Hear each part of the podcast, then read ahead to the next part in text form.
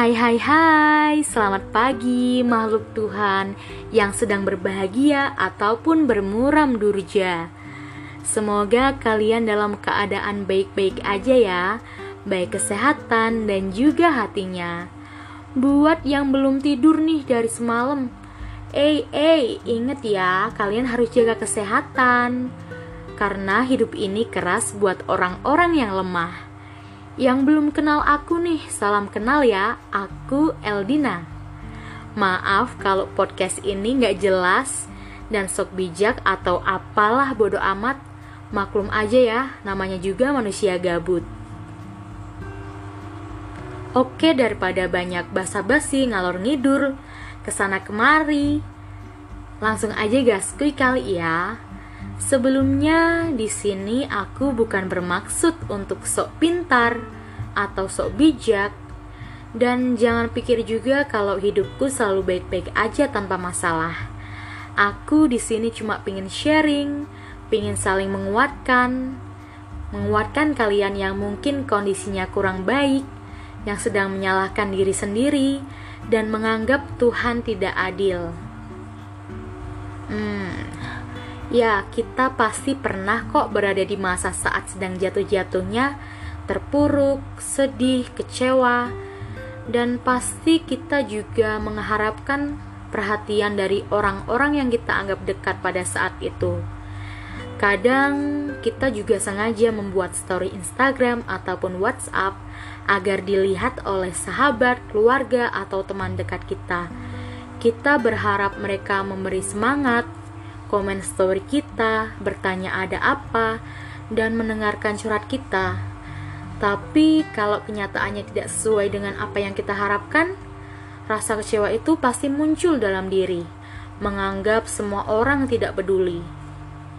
Kita harus ingat, dunia tidak selalu berputar di sekeliling kita. Mungkin mereka yang kamu harapkan sedang khawatir, namun menunggu kita untuk bercerita dan memberi kita waktu untuk menenangkan diri. Ketika kita jatuh, kadang kita merasa semua meninggalkan kita. Tanpa kita sadari, kita melupakan Tuhan. Ya, Tuhan yang selalu menyayangi dan mengasihi. Terkadang terlalu berharap pada manusia dan melupakan Sang Pencipta. Kadang juga kita mengingat Tuhan ketika posisi kita sedang menginginkan sesuatu ataupun sedang sedih. Dan yang lebih tidak tahu dirinya dan lucunya, kita menyalahkan Tuhan dengan apa yang terjadi. Mungkin Tuhan memberi goncangan untuk menguji kesetiaan dan kesabaran manusia.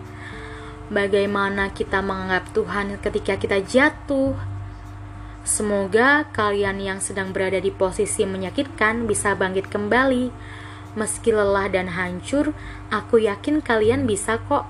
Tuhan tidak jahat. Ketika Ia memberi sesuatu, artinya Ia memperhatikan kita yang maha kecil ini. Entah itu hal baik ataupun hal buruk, pasti ada alasan dan kejutannya.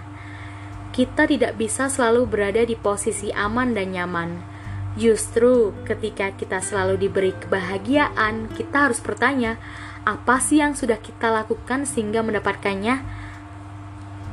Bisa jadi itu semua adalah sebuah ujian untuk diri kita. Apakah diri kita akan lalai karena terlalu fokus dengan kenyamanan yang ada, atau justru menambah rasa syukur dan cinta padanya? Aku berharap kalian yang sedang tidak baik-baik saja, yang sedang terpuruk, jenuh, lelah, semoga lekas pulih dan bersemangat kembali. Mungkin Tuhan sedang rindu dengan kalian sehingga ditegur dengan sedikit masalah. Banyak hal-hal yang kita tidak sadari dan syukuri, terlupakan karena ada ekspektasi-ekspektasi tinggi yang kita ingin capai namun selalu gagal Artinya kita diingatkan untuk fokus pada hal-hal terdekat kita. Apa yang kita dapat lakukan bukan hanya tuntutan-tuntutan yang setiap waktu bertambah.